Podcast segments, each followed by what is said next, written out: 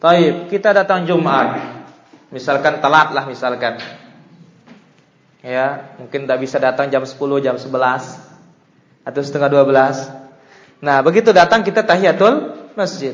Nah, apakah setelah azan mesti sholat lagi? Tidak. Karena kalau sholat lagi berarti kita mengatakan itu sunnah qabliyah. Sementara tidak ada qabli qabliyah. Yang ada tahiyatul masjid atau sunnah mut mutlak. Tidak ada tidak ada batasan rakaatnya. Allah taala alam. Silakan. Uh, ujian hari Jumat apakah menggugurkan Jumat begitu? Taib. Ada dua penjelasan para ulama kita. Pertama, gugur Jumatnya. Kenapa berdasarkan hadis yang tadi? Secara umum. Yang kedua mengatakan tidak tetap. Kenapa? Karena hadis yang tadi itu beritanya ketika musafir, orang musafir tidak wajib Jumat. Namun kalau kita lihat teksnya sore hatta Jumat pun gugur. Karena Ibnu Abbas mengatakan dalam hadis Nabi sallallahu alaihi wasallam, "Innal Jum'ata azmah." Jumat itu wajib. Tetapi aku tidak mau mengeluarkan kalian sehingga kalian berjalan di atas lumpur dan tempat yang becek. Hada wallahu taala alam.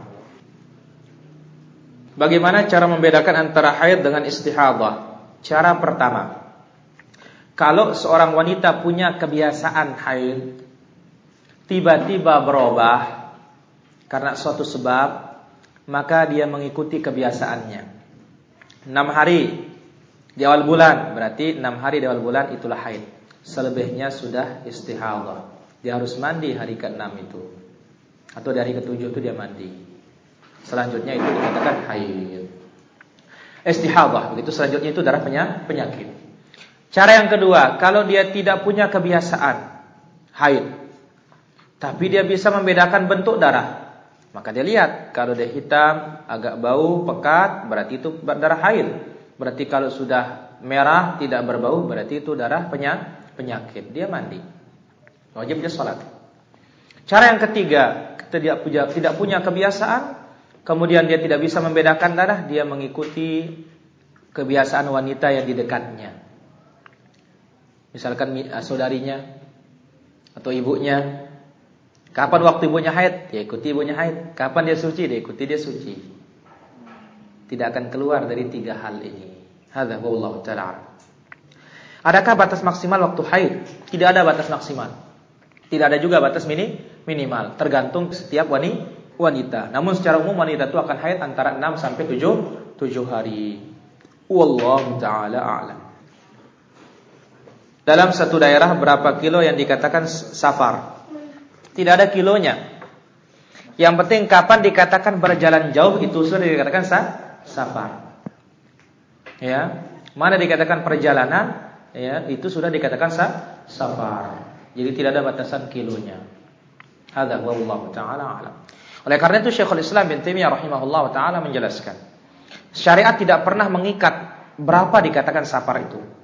Karena Allah mengatakan idza darabtum fil ardi falaysa 'alaikum junahun an taqsuru minas shalah in khiftum ay yaftinakumul ladzina kafaru. Apabila kalian berjalan di muka bumi, berjalan. Ya. Berjalan di muka bumi ini, maka tidak mengapa kalian mengkasar salat kalian. Nah, berapa? 3 mil sudah boleh. 3 parsah lebih hati-hati. Itu 15 kilo ke, ke atas itu sudah eh hati-hati luar biasa sudah. Bahkan kalau kita melihat Ibnu Umar dari Mekah ke Mina sudah kasar sholatnya. Kalau pakai terowongan mungkin satu keliwan lebih. Ya, kalau muter lumayan. Ya, hadza wallahu taala alam. Apakah berpengaruh terhadap hukum akan mudahnya safar di zaman ini? Tidak ada pengaruhnya. Kenapa? Karena Nabi Alaihissalam sudah mengatakan as-safaru qit'atun minal adab.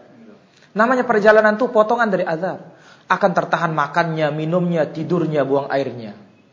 Maka apa? Kalau masalah hukum sholat akan tetap. Selama sudah berjalan sekian sudah boleh baginya untuk mengkasar. Tapi kalau puasa lain ceritanya. Kenapa? Karena telah ada nas dari Nabi sallallahu alaihi wasallam, bahwa Nabi sendiri dalam safar itu berpuasa. Berarti apa? Siapa yang mampu berpuasa lebih abdul berpuasa. Siapa tidak mampu ya jangan dia puasa. Nah itu dia. Kalau masalah salat lain babnya. Hadza wallahu taala. Tapi saya kira begitu para jamaah mudah-mudahan bermanfaat kajian kita kesempatan sore hari ini kita sambung pada pertemuan berikutnya. Aku lupa lihada subhanakallah wa bihamdik asyhadu an la ilaha illa anta astaghfiruka wa atubu ilaik. Assalamualaikum warahmatullahi wabarakatuh.